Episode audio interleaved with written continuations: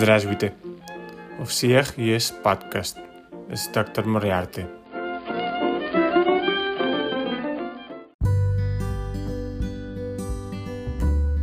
Sorry.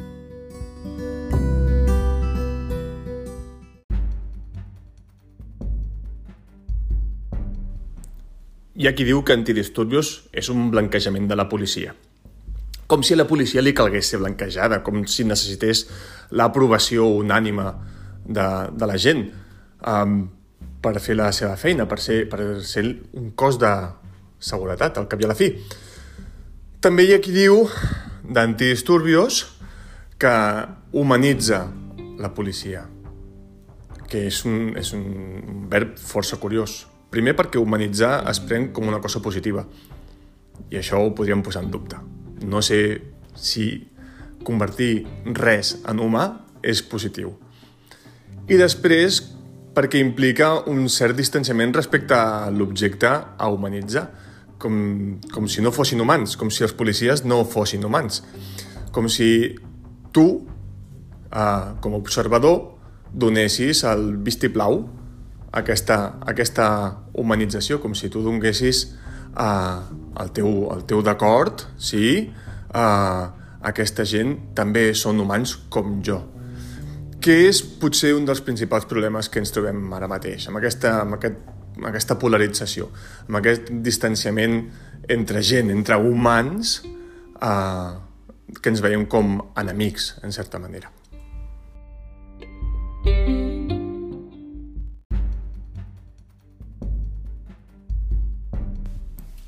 Vet aquí un dels principals esculls que hi ha hagut a l'hora de jutjar la sèrie d'antidisturbios. Sèrie que és excepcional.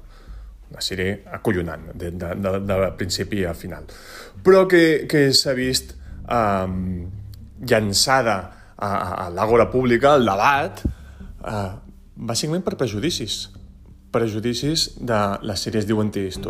Segurament la sèrie s'hagués dit Villarejo, perquè al cap i a la fi és cap a on va la sèrie i és cap a on va la denúncia d'aquest eh, sistema polític, judicial, policial, eh, eh, que està corrupte, que està podrit, que, que és un engranatge que no funciona i, i, i t'ho exposa de forma magistral. Si la sèrie s'hagués dit Villarejo, és molt possible que no haguéssim tingut aquest debat, però a l'hora de ficar el nom d'antidisturbios hi ha gent que s'ho pren de forma personal. Hi ha gent, hi ha gent que, que ha, ha, ha pres aquesta sèrie com una espècie d'atac. Curiosament, aquesta gent es divideix en dos pols. Un, els que estan en contra de la policia per sistema, els que ja la policia no la poden ni veure, que és la cosa més normal del món, al cap i a la fi, i més en temps com els que estem visquent, perquè en temps de crisi, en temps de, de, de, de conflicte, en temps de por, com els que, com els que estem passant, és evident que hem de canalitzar la ràbia, hem de canalitzar frustració o agressivitat cap a algú. I la policia està en la primera línia. La policia és la que està sempre eh, en, en l'ull de l'huracà. I la policia ho sap, això. I, I sempre ha estat així i no passa res. I no ens hauríem d'escandalitzar. De, de la policia pot ser criticada, no pot, ha de ser criticada. Però intentar treure els prejudicis, intentar fer-ho de forma objectiva, analític, analítica, clínica, fins i tot. Però l'altra banda, l'altra banda també són també estan els, els, els mateixos sindicats policials que s'han posicionat en contra de la ficció de forma absolutament absurda, uh, criticant que això no és cap exemple, que la policia no és així, que així no són els antivalots, uh, sindicats que han anat recollint cable una mica uh, després quan han vist la, la, la sèrie cap on anava i han, han, han canviat una mica la crítica que més cap a la direcció general de la policia dient que es va donar un, un, un assessorament que no s'hauria d'haver donat en vistes dels resultats de, de la sèrie.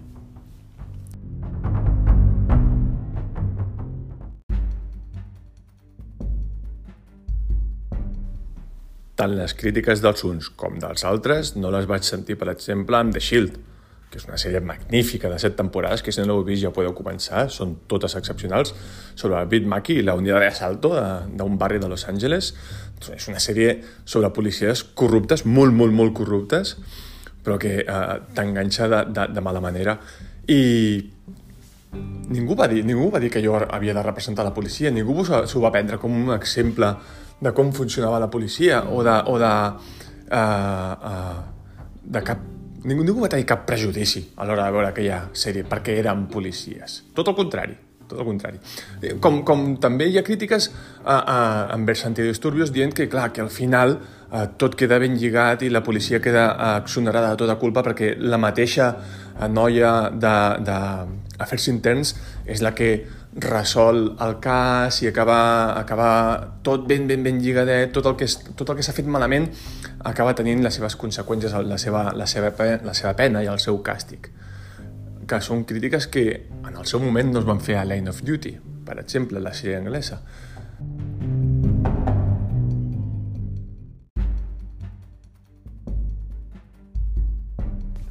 I el debat potser emmascarat les virtuts de la sèrie d'Isabel Peña i Rodrigo Sorogoyen. Una sèrie on tot encaixa bé, des de la direcció magistral, molt física, amb, amb una acció molt ben rodada, hiperrealista, eh, ajudada en part pel guió i en molt bona part per les diferents actuacions eh, que són molt creïbles de tot el, de tot el repartiment d'actors. I no cal anar més enllà. No cal anar més enllà. També podríem pensar si l'hiperrealisme està sobrevalorat.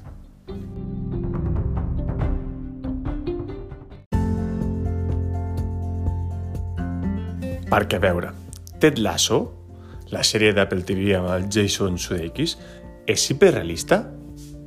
Jo crec que no. La sèrie d'un club de futbol de la Premier que contracta un entrenador de futbol americà perquè vingui a entrenar i enfonsi el club a segona divisió, tot per un assumpte de banyes de la propietària del club amb el seu ex, un multimilionari... Tot això reflecteix la realitat? Jo crec, crec que no.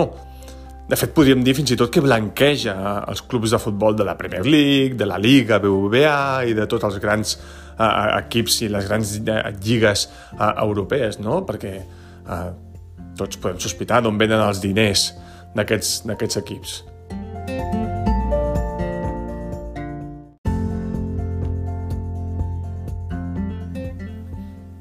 Fet, per ser poc realista, és poc realista en el tipus de treball i el tipus de jerarquia que hi ha dins els clubs de futbol. Eh, per no ser realista no ho és ni en el càsting, fins i tot. Eh, jo personalment no em crec cap dels sectors. No, no em cola cap com a futbolista. Ni ella, la, la, la noia que és com una espècie de Victoria Beckham i sex símbol, és que no em cola ni com a sex símbol. Ni la presidenta del club no em cola com a presidenta del club. Però importa això?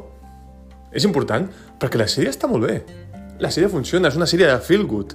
Uh, potser cap al final fa una mica de baixada perquè dona més importància a la part melodramàtica que a la part de la comèdia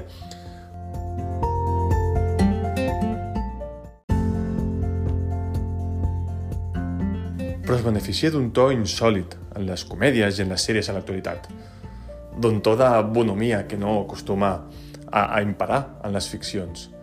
I sobretot es beneficia d'un personatge principal, d'un protagonista, l'entrenador de Ted Lasso, que és en Jason Sudeikis, que és un bon paio, que no és cínic, que no és sarcàstic, que no va amb segones intencions, que no és mala persona, és un bon tio. I és un bon tio que no és tonto, no, no, no, no és pas babau. I t'hi acabes encarinyant. No, que no, no, de fet, no t'hi acabes encarinyant, t'hi comences encarinyant. Et cau bé el Ted Lasso.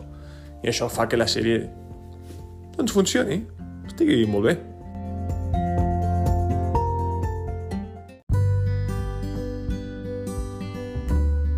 Filme.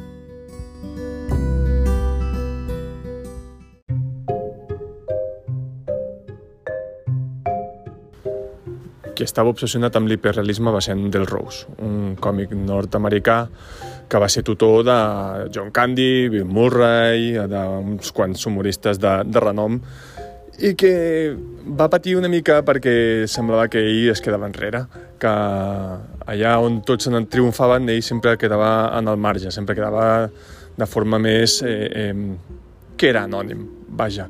Va crear una, una escola d'improvisació a Chicago, la va crear al Canadà, uh, molts dels seus alumnes van acabar al Saturday Night Live, uh, en pel·lícules, ja, ja, ja els coneixeu tots. tots aquests que coneixeu, no? De, de, perquè hi ha una cosa que em flipa moltíssim, que és que tothom té un coneixement molt profund de, dels diferents humoristes i les diferents etapes que hi ha hagut en el Saturday Night Live. Jo amb prou feina sé eh, quins són els lleis que hi ha en el nostre país com per saber, com per conèixer els dels Estats Units. Però bueno, ja us ho fareu vosaltres i la vostra vida i en com perdeu el temps, eh, com per exemple escoltar aquest podcast. Però eh, estava, eh, com deia, del Rose, que me'n vaig, volia estar obsessionat amb, amb la realitat i amb la improvisació. Això es veu en el, en el documental Format Men Only, que de fet em recorda una mica després també un altre documental, que és el Too Fail Too Funny, que és sobre, uh, tornem al Saturday Night Live, sobre el Dana Carvey,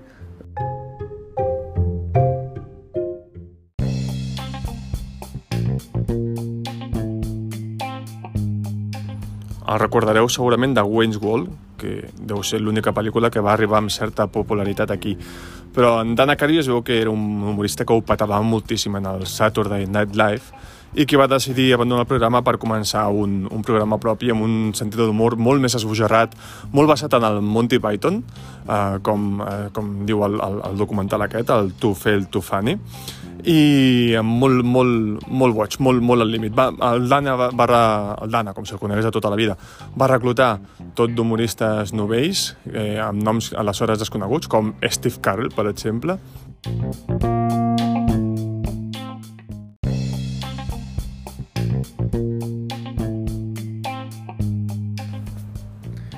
I va portar el programa a la ABC, que és una cadena generalista eh, de màxima audiència.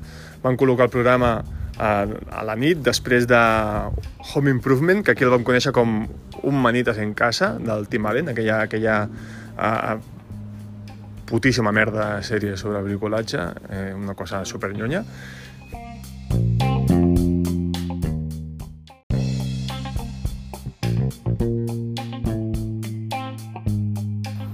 Van decidir tirar pel dret i començar amb un sketch eh, sobre Bill Clinton amb sis mugrons alletant, amamentant cadells de gossos, gatets, nadons, com si fos el pare i la mare dels Estats Units. Una cosa tan trencadora que va partir tots els esquemes de la gent i que els va deixar tothom catacroquen i va fer que caiguessin en picat doncs no sé si van caure 6 milions d'espectadors en els 15 primers minuts, una cosa, una cosa molt bèstia. De fet, la, de fet, les crítiques van ser mm, demolidores i el, el patrocinador es va retirar. Eh, volien fer patrocinadors individuals per cada, per cada programa, però el, en el primer ja es va, es va retirar i a partir d'aleshores la cosa va anar de mal en pitjor fins que algú va descobrir que el programa realment era divertit. Eh, quan portaven tres o quatre programes era molt divertit, però ja era massa tard, ja estaven, ja estaven condemnats. Uh, un dels guionistes del programa de, uh, comenten, en, segurament en la part més...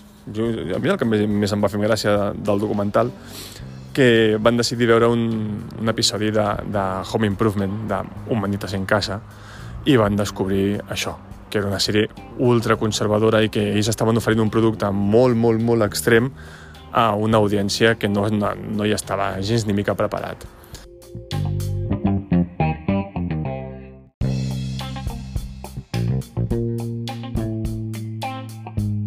La part més divertida del documental és com mostren l'anunci de l'especial de Home Improvement sobre la mort del fill del personatge interpretat per Tim Allen en, en, en un capítol trist, dramàtic, una cosa, un, un d'aquests esdeveniments tan, tan bèsties d'aquestes sèries i a continuació el programa de Dana Carvey amb no sé quin patrocinador més estrany i més, més bizarro. Bizarro es pot dir? No ho sé, però ja ho he dit.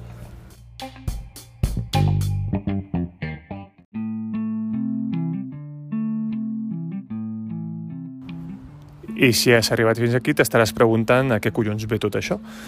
Doncs aquí van estrenar Borat 2 i Borat 2 no deixa ser una barreja d'aquest hiperrealisme de, del close amb l'humor extrem d'Anna Carby i tot el servei d'una denúncia política social com la de Rodrigo Sorogoy i Isabel Peña amb antidisturbios al servei d'intentar treure aquest grandíssim fill de puta de la Casa Blanca que és Donald Trump, que esperem que funcioni. Si no heu vist Borat 2, veieu-la ja. O sigui, fa molta gràcia. I té una escena... No que cony una escena, té moltes escenes, però hi ha, hi ha una escena en especial que vaig pixar de riure, que és la d'aquesta espècie de, de prom dents de, de, de, de ball de, de les noies aquestes de, de, del sud, en què, vaja, només es diré tres, quatre paraules. Ball de la fertilitat.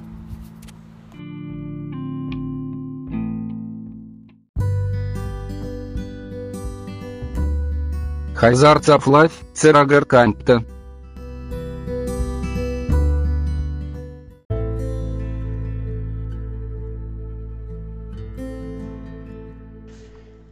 El Hazards of Love per mi va ser un dels millors discos de la dècada dels 00s.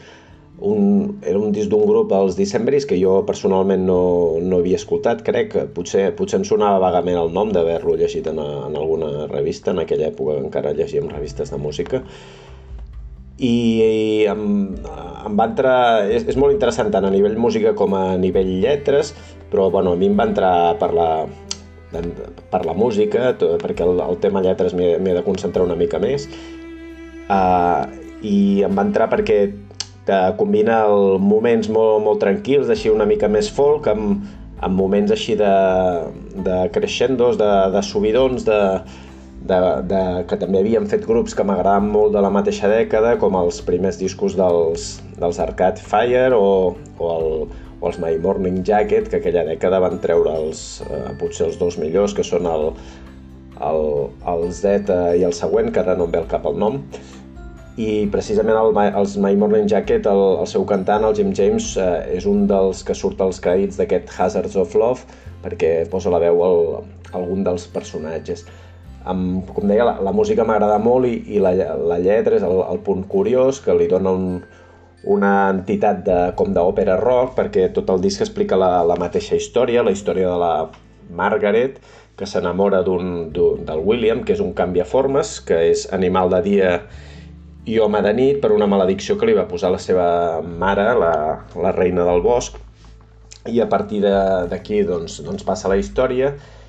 I en funció de, de quin punt estem de la història, doncs la, la música acompanya. Si són moments més d'amor, és una música més relaxada, i els moments més de conflicte és quan venen aquests, aquests moments de, de crescendo, guitarres distorsionades, tics una mica heavies i tot, que són els, els que potser a, a mi més, més m'apassionen, com per exemple seria el de la cançó The One Thing Comes in Waves, que, que si teniu curiositat la podeu buscar al, al YouTube, que, que, que a mi em, em va encantar.